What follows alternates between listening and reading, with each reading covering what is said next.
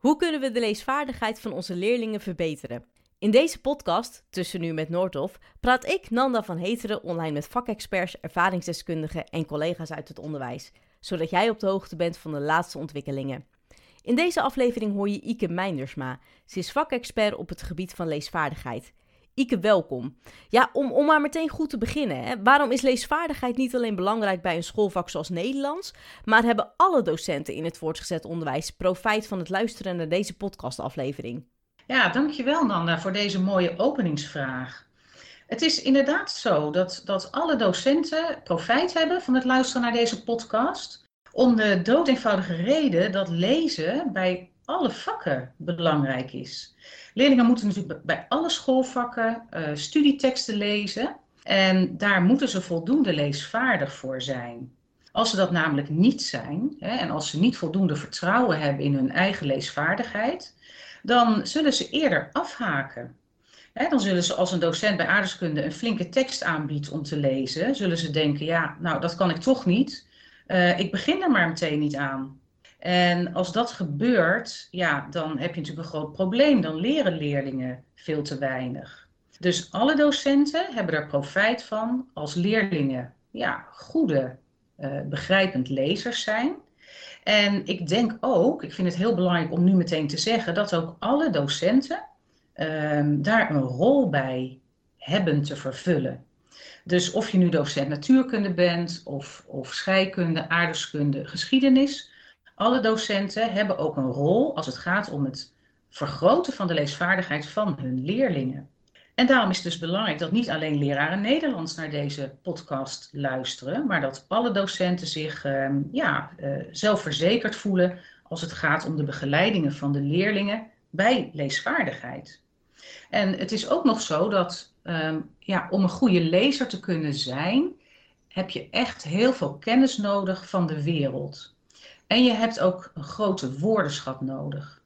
En dan kom ik natuurlijk bij de inhoud in wezen van alle vakken, van alle schoolvakken. Um, op het moment dat leerlingen kennis opdoen van de verschillende schoolvakken, vergroten ze daarmee ook meteen hun eigen woordenschat en hun kennis van de wereld. En dat betekent dat ze uh, daarmee ook een betere uitgangspositie hebben als lezers. Ik vind het nu echt al super interessant. Maar laten we straks dieper ingaan op, uh, op dit onderwerp en hoe dit in de onderwijspraktijk uh, toegepast kan worden. Maar, maar eerst iets over jou. Wie ben je en, en wat doe je precies voor werk? Nou, ik ben uh, Ike Meinersma. Ik ben geboren in Den Haag in 1963. In een gezin met twee zussen. Mijn vader was leraar Nederlands en mijn moeder had rechten gestudeerd. En ik wist eigenlijk al heel jong dat ik zelf, net als mijn vader, graag het onderwijs in wilde. En toen heb ik eerst pedagogische academie gedaan nadat ik mijn VWO had gehaald. Dat is uh, wat tegenwoordig de PABO is. En daar was ik in 1984 mee klaar. En toen waren er helemaal geen banen in het onderwijs. Dat kunnen we ons nu niet meer voorstellen. Maar dat was echt zo. Dus ik, ik kon geen enkele brief de deur uit doen. En toen zei mijn vader, nou, waarom ga je niet uh, nog studeren? En dat leek mij een ontzettend leuk idee. Ik ben toen naar Leiden gegaan, daar heb ik Nederlands gestudeerd. Ik heb mijn eerste graadsbevoegdheid gehaald. En toen ben ik gaan werken in het voortgezet onderwijs op het Rijnlands Lyceum in Oestgeest. En daar heb ik tien jaar gewerkt, dus als lerares Nederlands. Dat waren echt fantastische jaren. We hadden als sectie heel veel vrijheid bij uh, ja, de inrichting van het onderwijs. Um, en er zat een super competente groep mensen. Nou, als je daar als startende leraar begint, ja, je kunt het niet beter treffen. Dus ik heb daar heel erg veel geleerd. In die periode ben ik ook mede-auteur geweest van een taalvaardigheidsmethode. Kiliaan, als auteur, mede-auteur van een uh, methode, raakte, echt, raakte ik echt gefascineerd door didactiek. Zo is eigenlijk mijn belangstelling voor didactiek ontstaan. Nou, en toen kwam er uh, eind jaren negentig een vacature op de VU, een vacature voor vakdidacticus Nederlands, bij de lerarenopleiding. En toen dacht ik, nou, dat is leuk, dat ga ik doen. En daar zit ik nu nog steeds. En daar ben ik verantwoordelijk voor het opleiden van leraren, Vaak zijn dat leraren Nederlands, maar het kunnen ook leraren zijn in de andere vakken. Weet je wat nou zo grappig is? Ik, ik hoor jou praten en in het begin van, uh, van dit antwoord zei je van... ik wist al heel vroeger, al, of, of al van kinds af aan, van ik wil het onderwijs in. En ik hoor het ook echt. Je, je zit hier echt volledig op je plek. In iedere zin, in ieder woord denk ik, ja, dit is echt jouw passie. Maar, maar, maar wat, wat maakt dat dan, jouw passie? Ja, wat maakt het dan mijn passie? Nou, ja, weet je, het is, het is gewoon superleuk om met mensen te werken, vind ik. En om bezig te zijn uh, met, met de ontwikkeling van mensen. Ik denk dat het daar heel erg zit, mijn passie. Kijk, het beroep van leraar is natuurlijk een heel complex vak om te leren. Daar komt heel veel bij kijken. En ik kan daar als ervaren docent en als iemand met veel theoretische ja, bagage, hè, kennis over, over didactiek, maar ook over opleiden, kan ik daarbij gewoon heel veel betekenen voor leraren in opleiding. En wat ik heel belangrijk vind, um, dat is dat, dat startende leraren uh, zelfvertrouwen krijgen. Dus dat ze, dat ze goed zicht krijgen op wat zijn nou mijn sterke kanten, wat zijn mijn kwaliteiten die ik in kan zetten voor de klas en hoe kan ik die verder uitbouwen. Um, ik vind het ook heel belangrijk dat startende leraren fouten durven maken, want, want ja, je moet toch experimenteren en dingen durven proberen, daar leer je van. En daar heel dicht op zitten startende leraren of leraren in opleiding hierbij begeleiden, ja, dat is heel erg bevredigend. Um, en wat ik ook mooi vind is, ja, ik geef natuurlijk veel feedback. Ik ga op lesbezoek um, en praat dan, bespreek zo'n les met, met een startende leraar na. En um, ja, als ik dan feedback geef, dan zie je ook dat zo'n leraar in opleiding weer verder kan en weer handvatten krijgt. Ik probeer ook op het juiste moment theorie aan te reiken. Dus het is best wel een, een, een genuanceerd spel eigenlijk. Je moet op het juiste moment de juiste vraag kunnen stellen, juist een stukje theorie kunnen aanreiken, zodat een ja, leraar in ontwikkeling kan groeien. En uh, dat stukje ontwikkeling, dat ervaar ik ook heel sterk als ik werk met zittende leraren. En als we samen onderwijs ontwikkelen. Dus, dus in de uitvoering uh, ervaart een docent natuurlijk heel vaak dat iets niet lukt of dat, dat verwachtingen die hij heeft niet helemaal uitkomen. Nou, dan is het hartstikke leuk om met een groep docenten te gaan bedenken, nou, hoe, kunnen we het anders doen? En dat gaan de mensen dan in hun eigen praktijk uitproberen, wat we dan ontwikkelen. En vervolgens komen ze weer bij elkaar en bespreken ze die ervaringen. En zo kan je eigenlijk het onderwijs steeds verder uh, verbeteren. En ja, mijn ervaring is dat docenten over het algemeen heel creatief zijn en dat ze samen echt tot ontzettend goede ideeën komen. Wij, ja. uh, wij hebben natuurlijk ook een voorgesprek gehad voordat deze opname was. En, en toen vertelde je aan de hand van onderwijs en inleesvaardigheid dat de waarde van de observaties en kennis van de docenten, dat je dat wil benadrukken en het belang van het verbinden van theorie met de praktijk en met de persoon van de leraar. Dus eigenlijk wat je net, net ook vertelde. Um, maar, maar waarom is dat zo belangrijk? Nou, weet je wat mij, mij opvalt? Hè? Ik werk dus uh, heel veel met, um, met leraren, hè? leraren in opleiding, maar ook met uh, zittende leraren die al heel veel jaren dit werk doen. En in al die gesprekken die ik met leraren heb, valt mij op dat zij heel goed kunnen aangeven wat wel en niet werkt in de lespraktijk. Dus terwijl zij lesgeven, observeren zij hun leerlingen heel goed en zien ze wat wel en niet werkt. En ze kunnen dat ook heel goed onder woorden brengen. Alleen het gekke is, het opvallende is, moet ik zeggen, dat ze aan die ja, observaties eigenlijk lang niet altijd consequenties verbinden. Um, leraren, de leraren die ik spreek, die lijken toch erg te aarzelen bij het loslaten van de methode. Ze, ze vertrouwen sterk op de methode en ze vertrouwen er ook op dat als ze met leerlingen alle oefeningen uit de methode doen, uh, dat leerlingen dan goed voorbereid zullen zijn op de toetsen en dat leerlingen ook goed voorbereid zullen zijn op het centraal examen. Ja, wat mij opvalt is dat leraren uh, waarnemen wat wel en niet werkt, maar dat ze daar lang niet altijd naar handelen. En dat vind ik, dat is heel erg jammer. Uh, niet alleen voor de leraren zelf, want dat maakt hun, hun werkplezier natuurlijk veel minder groot. Maar het is ook voor de leerlingen heel jammer. En ik wil, ik wil heel graag dat die leraar zelf weer aan het roer komt te staan. En dat, dat hij ook voldoende uh, handvatten heeft om eigenlijk iets te doen met de observaties die hij doet. Um, want ik vertelde net al, hè, ik ben dus heel veel de laatste tijd met, met, met uh, groepen leraren Nederlands, met secties Nederlands bezig met onderwijs in leesvaardigheid. En als ik aan docenten vraag, um, blik nou eens terug op de lessen leesvaardigheid die je de afgelopen tijd gegeven hebt. Waar ben je dan tevreden over? En waar ben je dan ontevreden over? Nou, dan zeggen ze bijvoorbeeld de volgende zaken. Ze zijn tevreden over lessen en over wat, wat, er eigenlijk, wat ze de leerlingen zien doen. Hè? Dus het enthousiasme dat ze zien bij leerlingen. Op het moment dat ze bijvoorbeeld, voordat ze een tekst met leerlingen gaan lezen, met de leerlingen praten over de inhoud van de tekst. Wat er dan gebeurt namelijk is dat leerlingen alvast voorkennis ophalen over het onderwerp van de tekst. Hè? En dat vergemakkelijkt het lezen. Um, ze, ze zien bijvoorbeeld dat leerlingen het sowieso heel leuk vinden om over de inhoud van een tekst te praten. Ze zien dat leerlingen het leuk vinden als ze niet alle vragen hoeven te doen, maar als de docent een keuze maakt uit de vragen in de methode. Ze merken dat leerlingen het over het algemeen heel leuk vinden als ze met een echte tekst komen die ze uit de krant hebben gehaald. Of als ze bijvoorbeeld, um, als het moeilijk wordt, even hardop voordoen uh, hoe de leerling het zou kunnen, uh, de tekst zou kunnen uh, begrijpen. Dus, dus al, dat zijn allemaal hele belangrijke dingen die ze waarnemen. En toch, toch doen ze dit maar heel af en toe. En ze nemen ook waar, als ik vraag waar ben je ontevreden over, dat, dat leerlingen het maken van de vragen bij de teksten, um, de standaardvragen zeg maar, dat ze dat heel erg saai vinden. En dat ze ook niet goed weten wat het nut daar nou van is. Ja, en toch blijven ze maar die teksten met die standaardvragen, uh, vaak zijn het ook nog verouderde teksten, toch blijven ze die, die, die didactiek maar toepassen. En dat, dat um, ja, ik, ik zou daar heel graag verandering in willen brengen. Um, en, en willen bereiken dat de leraren um, niet alleen die waarnemingen doen, maar ook erop vertrouwen dat het anders kan. En ze daar ook de handvatten voor geven. Dat, dat, dat komt het werkplezier ten goede, maar ook de kwaliteit van het onderwijs.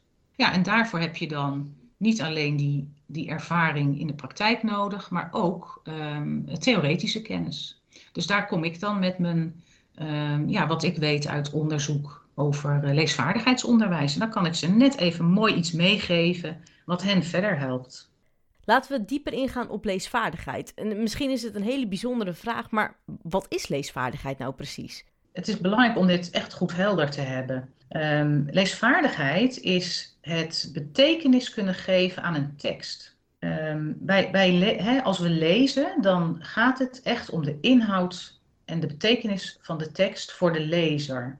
En als lezer ben je altijd op zoek naar het betekenis geven aan een tekst. En daar zet je eigenlijk al je kennis voor in, je gevoelens voor in, alles wat je weet, je kennis van de wereld, maar ook je kennis van, um, van hoe teksten opgebouwd zijn, je woordenschat, um, je kennis van waar belangrijke informatie in teksten staat, je kennis van leesstrategieën, de kennis die je van jezelf als lezer hebt. Dus om een uh, tekst echt te kunnen begrijpen en betekenis te kunnen geven aan wat je leest, moet je echt alles van stal halen. Dat is een hele, hele uh, intensieve activiteit. Um, en ik vind het belangrijk om meteen ook te zeggen dat in, in de werkelijkheid, als we lezen, dan doen we dat altijd met een doel dus denk, stel je even voor, eh, je zit s morgens te ontbijten en je pakt de krant erbij. Nou, dan beginnen de meeste mensen met koppen snellen. Op het moment dat je een, een kop gelezen hebt en dat roept een vraag bij je op, hè, bijvoorbeeld omdat je denkt van, hé, uh, hey, wat gek, ik, uh, daar had ik een heel ander idee over. Nou, dan word je geprikkeld om te checken of, of jouw idee eigenlijk wel klopt. Dus, dus je bent eigenlijk altijd op zoek naar um, ja, betekenis, nieuwe inhoud die je kunt toevoegen aan wat je al weet. Um, en als lezer, als ik het heel chic zeg, dan construeer je in wezen een voorstelling van de tekst. Dus je kijkt naar de titel van een tekst, naar de inleiding en het slot en je probeert te kijken waar zit de samenhang? Wat hebben die met elkaar te maken? En hoe verbind ik wat ik nu weet over de tekst dan met, met het middendeel van de tekst? Dus je bent altijd op zoek naar, naar relaties tussen de delen binnen de tekst hoe hangen die met elkaar samen? Maar ook ben je bezig om een relatie te leggen met uh, jouw eigen algemene kennis. Hoe verhoudt de tekst zich daartoe? En dat is wat ik noem die, die, die voorstelling die je construeert, als het ware. En als ik het nu heb over, um, hè, als ik een voorbeeld mag geven, als het gaat om mijn voorbereiding op deze podcast. Um, ik heb natuurlijk de afgelopen jaren heel veel publicaties gelezen over didactiek en over leesvaardigheid, over wat goede lezers doen. En in wezen heb ik op basis van al die verschillende publicaties ook een, ja, een voorstelling gemaakt, een voorstelling geconstrueerd van um, wat leesvaardigheid is, maar ook van wat het onderwijs nodig heeft, hoe het onderwijs eruit zou moeten zien om te zorgen dat leerlingen ook betere lezers worden. Dus al die informatie bij elkaar, dat, dat gooi ik als het ware in, in mijn hoofd als een soort blender. En uh, ja, daar komt dan een bepaald beeld, een bepaalde voorstelling, een bepaalde visie uit. En, en die deel ik vandaag. Dat snap ik wel als het gaat over leesteksten of over boeken bijvoorbeeld. Maar terugkomend op de krant, in ons geval het AD. Ik, ik lees zo'n column van bijvoorbeeld Eus of Angela de Jong toch vrij onbevangen. Want ik ben benieuwd naar hun mening. En ik wil graag me laten informeren door, nou ja, in mijn geval, een krant waar, waar ik het vertrouwen in heb, uiteraard. Um, dan ga ik er eigenlijk met een open blik in. En dan lees ik de artikelen uh, waarvan ik weet uit de koppen van... oké, dit weet ik nog niet. Of dit vind ik interessant. Bijvoorbeeld de bijzondere stemlocaties of um, spreekrecht in de, in de rechtszaal. Ja, ja. En, en, en wat is je vraag daarbij? Want dit herken ik. Nou, in hoeverre dat, uh, dat ook klopt als je de krant leest. Of, of het dan zo is dat je ook een doel hebt eigenlijk met het lezen. Ja, precies. Want als ik, ja, ik schrijf ja. Eh, ik zeg natuurlijk expliciet het AD omdat ik daar als, als freelance journalist uh, voor de Dordtenaar op de regio sportafdeling schrijf. Maar als ik dan een tekst schrijf, dus ik ken ook de andere kant, ja. dan uh, ga ik daar altijd onbevangen in. Want de docent is onafhankelijk. Oh, sorry, een, een journalist en een docent ook is, is, is onafhankelijk.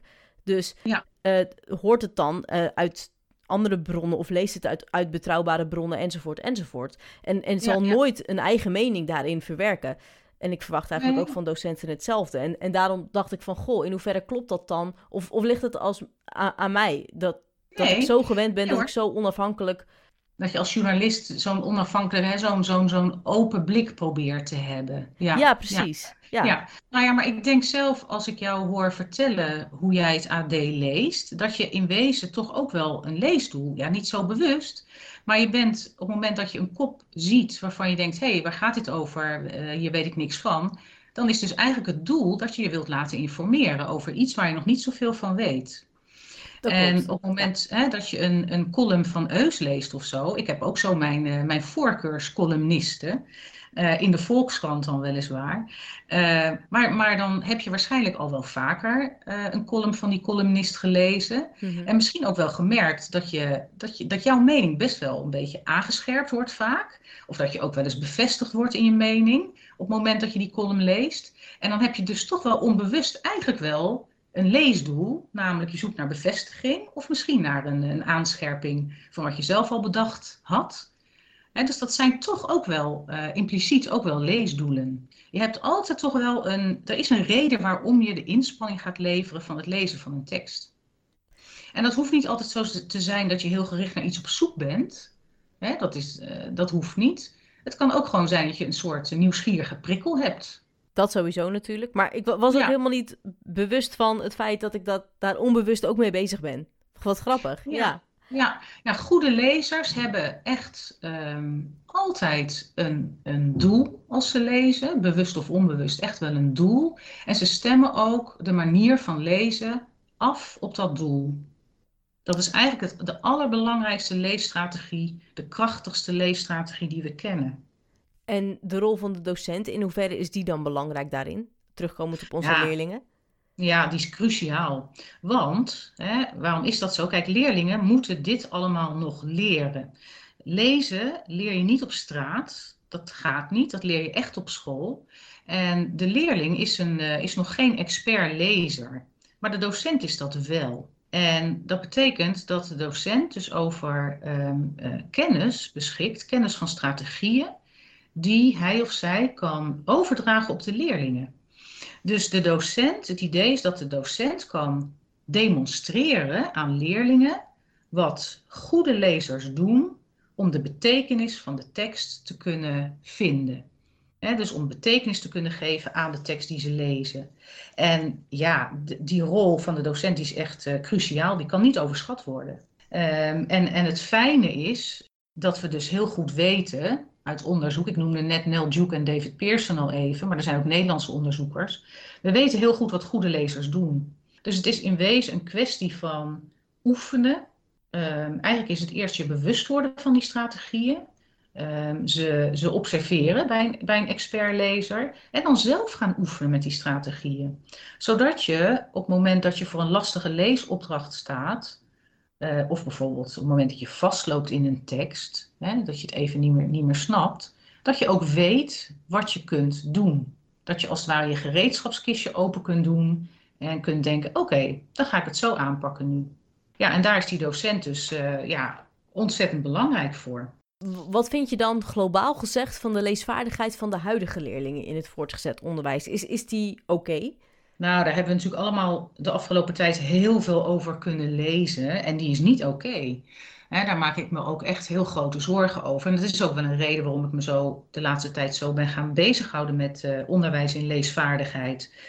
we hebben allemaal de, gehoord uh, hoe het ervoor staat. De getallen liegen er niet om. Een kwart van de Nederlandse 15, 16-jarigen uh, is potentieel laaggeletterd. Nou, dat is heel ernstig. Want dat wil zeggen dat deze leerlingen niet kunnen deelnemen aan de maatschappij. Het betekent bijvoorbeeld dat ze uh, niet uh, kunnen reizen met het openbaar vervoer, want ze kunnen de borden niet lezen. Ze kunnen de bijsluiters niet lezen bij, een, bij, bij medicijnen. Ze kunnen geen belastingaangifte doen. Ze kunnen het nieuws niet volgen. Ze, ze, kunnen helemaal, ja, ze kunnen luisteren natuurlijk wel, um, maar ze kunnen niet zelf eens even een verdiepend artikel lezen ergens over. Dus um, ja, dat is, dat is echt een heel groot probleem, daar moet iets aan gebeuren. En um, ja, om toch ook even iets positiefs te zeggen, kijk, het is niet zo dat onze kinderen, onze leerlingen helemaal niks kunnen. de Nederlandse jongeren zijn in vergelijking met de landen om ons heen wel goed in het zoeken van informatie, bijvoorbeeld. Wat ze niet zo goed kunnen is het evalueren van teksten en het reflecteren op teksten. En dan gaat het erom, um, als ze teksten lezen, dat ze ook kunnen bedenken, wat is nou de kwaliteit van deze tekst? Is dit een geloofwaardige tekst of zou dit wel eens nepnieuws kunnen zijn? Daar hebben de jongeren in Nederland, uh, ja, die oefenen daar eigenlijk te weinig mee en die kunnen dat dus niet zo goed. En wat, ja, wat echt heel dramatisch is voor um, ja, de leesvaardigheid van onze jongeren in Nederland, is dat er uh, ja, het leesplezier heel erg laag is. Het is nergens op de wereld zo laag als in Nederland. Um, de helft van de 15-jarigen in Nederland vindt lezen tijdverspilling. En waarom is dat nou zo erg? Nou, het punt is, um, als je niet leest, dan word je nooit een betere lezer. Uh, hoe meer je leest, hoe vaardiger je wordt in het lezen. Nou, en als je ergens vaardig in wordt, dan wordt het ook leuker. Hè? Als je succeservaringen ervaart. En als iets leuker wordt, dan zul je het weer vaker gaan doen. Dus dan word je er ook steeds beter in. En dus hoe meer je leest, hoe beter je wordt. Dat is echt een echt cumulatief, uh, een cumulatief proces. En als je helemaal niet wilt lezen of bijna niet leest, ja, dan zul je dus inderdaad nooit een betere lezer worden. Dus dat er wel weer plezier in lezen gaat ontstaan en dat leerlingen meer gaan lezen, dat is echt van cruciaal belang. Ik herken dit heel erg duidelijk in, in mijn lessen natuurkunde. Dan geef je een toets, uh, dan stel je een bepaalde vraag en je krijgt een antwoord wat natuurkundig gezien prima klopt, maar wat niet het antwoord was op deze vraag. En als je het dan met de leerlingen de toets gaat bespreken, na afloop uiteraard, wanneer je de cijfers hebt en enzovoort enzovoort, dan, dan krijg ik toch ook vaak het idee dat zij zeggen van, oh, maar dat kan ik al. Oh, zie ik dan in mijn hoofd een combinatie van eigen wijsheid, een stukje arrogantie misschien, en vooral ook onwetendheid. Hoezo kan je dit dan al en gaat het op de toets dan blijkbaar niet goed of zo? Ja, kijk, op een toets zijn leerlingen natuurlijk altijd extra gespannen. Mhm. Het maakt natuurlijk heel erg uit in welke situatie je leest. Als je gewoon ontspannen bent, dan zul je minder gauw, denk ik, een, een, ja, iets over het hoofd zien in een toetssituatie ja, gaat dat lezen misschien soms wat snel. Dat, dat weet ik ook nog heel goed van mijn eigen kinderen wel. en dat ze dan ja, toch inderdaad de vraag niet echt even rustig lezen, waardoor ze een fout maken. En in wezen is ja, wat jij zelf beschrijft, is natuurlijk toch het bewijs voor de leerling. Als de leerling zegt dat kan ik wel, dat dat toch niet helemaal klopt. Hè? Dat ze dat toch iets te, iets te optimistisch inschatten op dat moment. Wat zijn je ervaringen met leerlingen, hoe zij aankijken tegen het nut van leesonderwijs dan? Nou, wat ik, um, wat ik van docenten hoor en, en wat ik ook zelf ervaren heb, is dat leerlingen, um, hè, daar begon ik eigenlijk al de podcast mee, dat leerlingen de, de aanpak in de leergang, de leergangen bij Nederlands, dat ze die heel erg saai vinden en ook niet ervaren dat ze daar um, veel van leren. Hè, er wordt vaak gewerkt natuurlijk met uh, ja, verouderde teksten. De meeste methodes worden vijf jaar gebruikt. Dus dan zijn, ja, dan zijn de gekozen teksten, de zorgvuldig gekozen teksten, want daar twijfel ik niet aan, die zijn dan toch op een gegeven moment verouderd.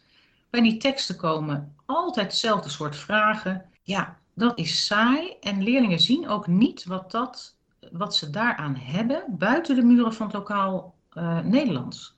En dat begrijp ik wel, want ik denk dat ze daar ook inderdaad niet zo heel veel aan hebben.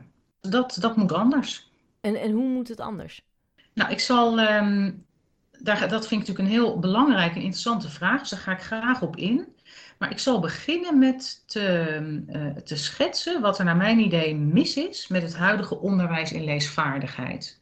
En dan wil ik graag drie zaken noemen. Het eerste is dat er in het onderwijs um, sprake is, en dan met name in de lessen Nederlands, sprake is van een hele smalle definitie van leesvaardigheid. Um, leesvaardigheid is, um, wordt eigenlijk in de, in, in de lessen Nederlands gezien als het correct kunnen beantwoorden van vragen bij één tekst. En dat is misschien niet zo gek dat dat gebeurt, want de, uh, het onderwijs heeft in wezen de vorm aangenomen van de toetsing.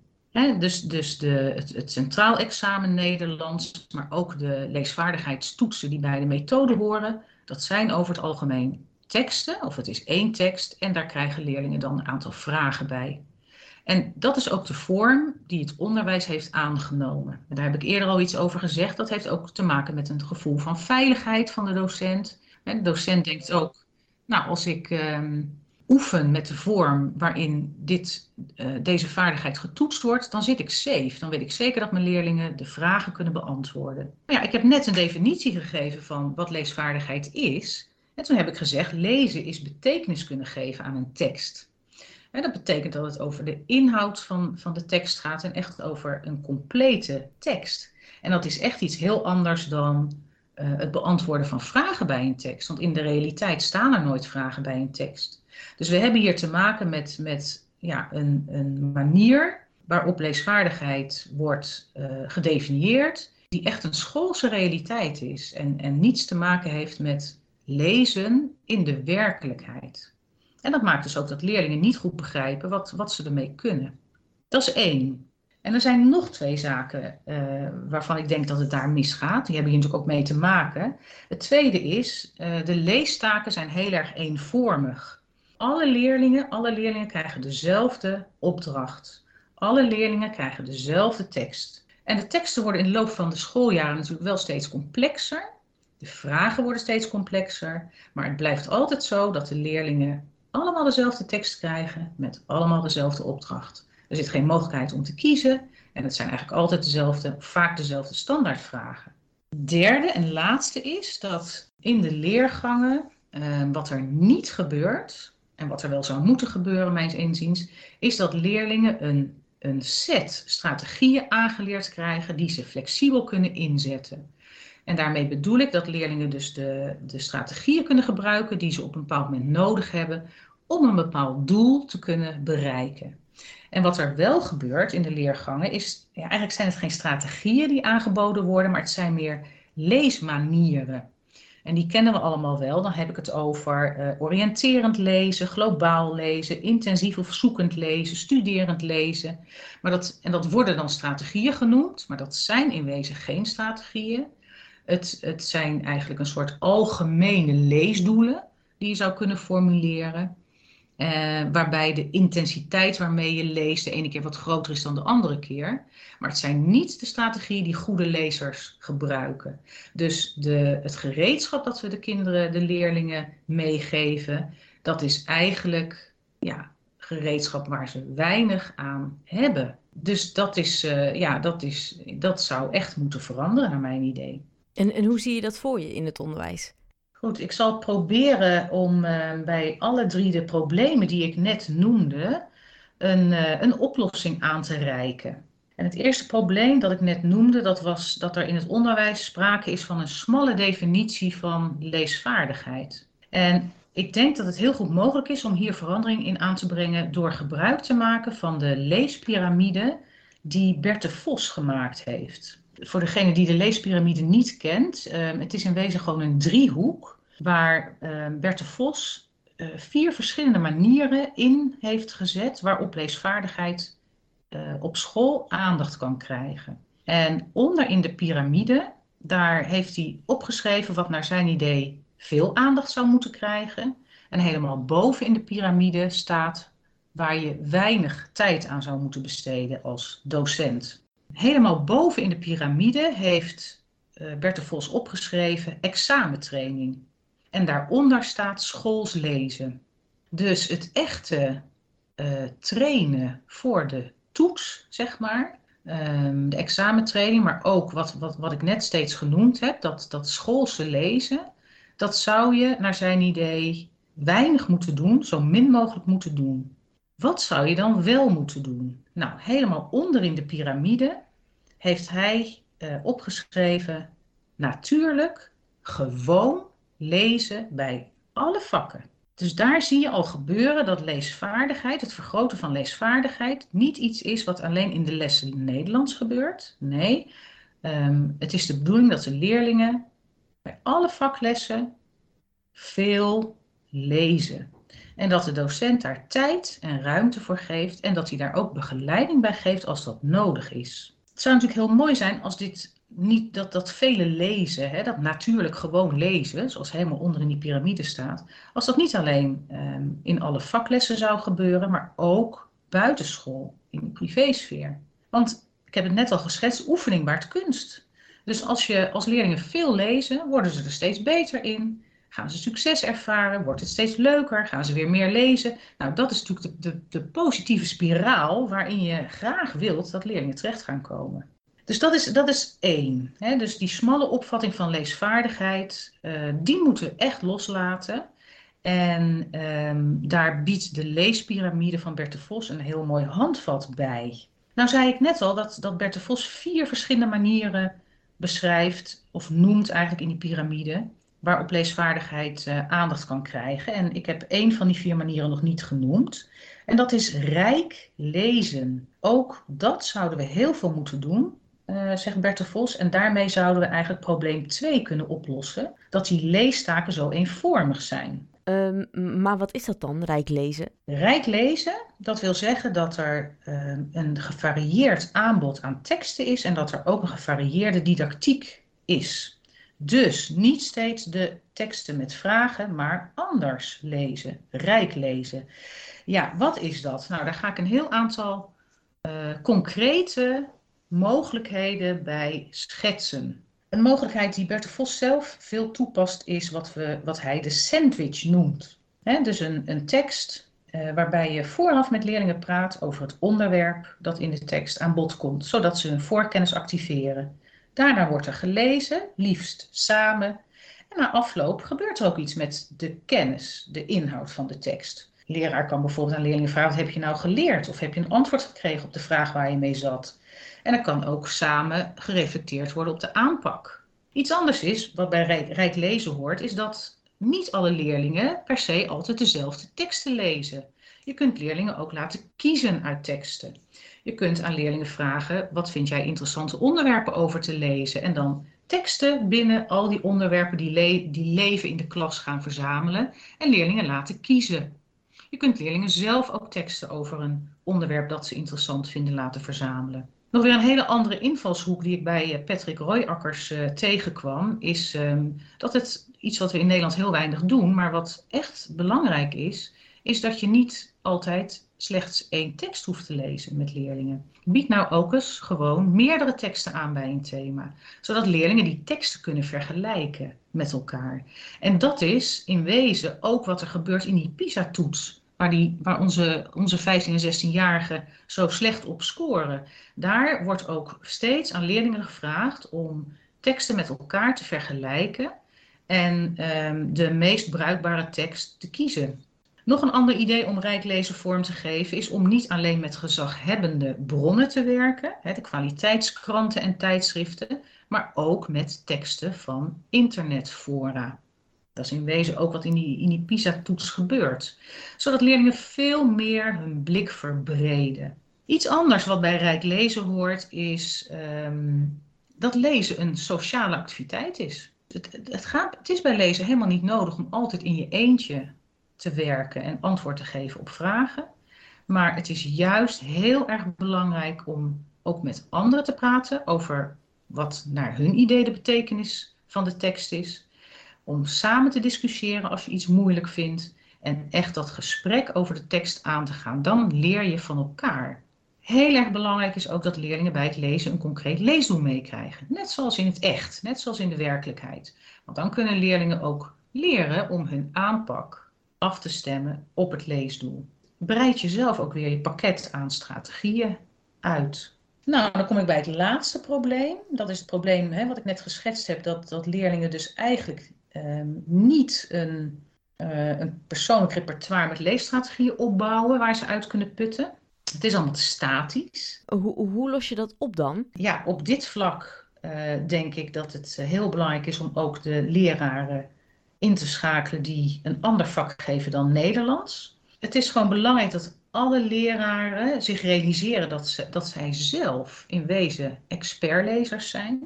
Dat zijn ze, dat durf ik met zekerheid te zeggen, om, omdat ze anders nooit zo ver hadden kunnen komen in studie en maatschappij. Dat, dat kan niet als je niet goed kunt lezen.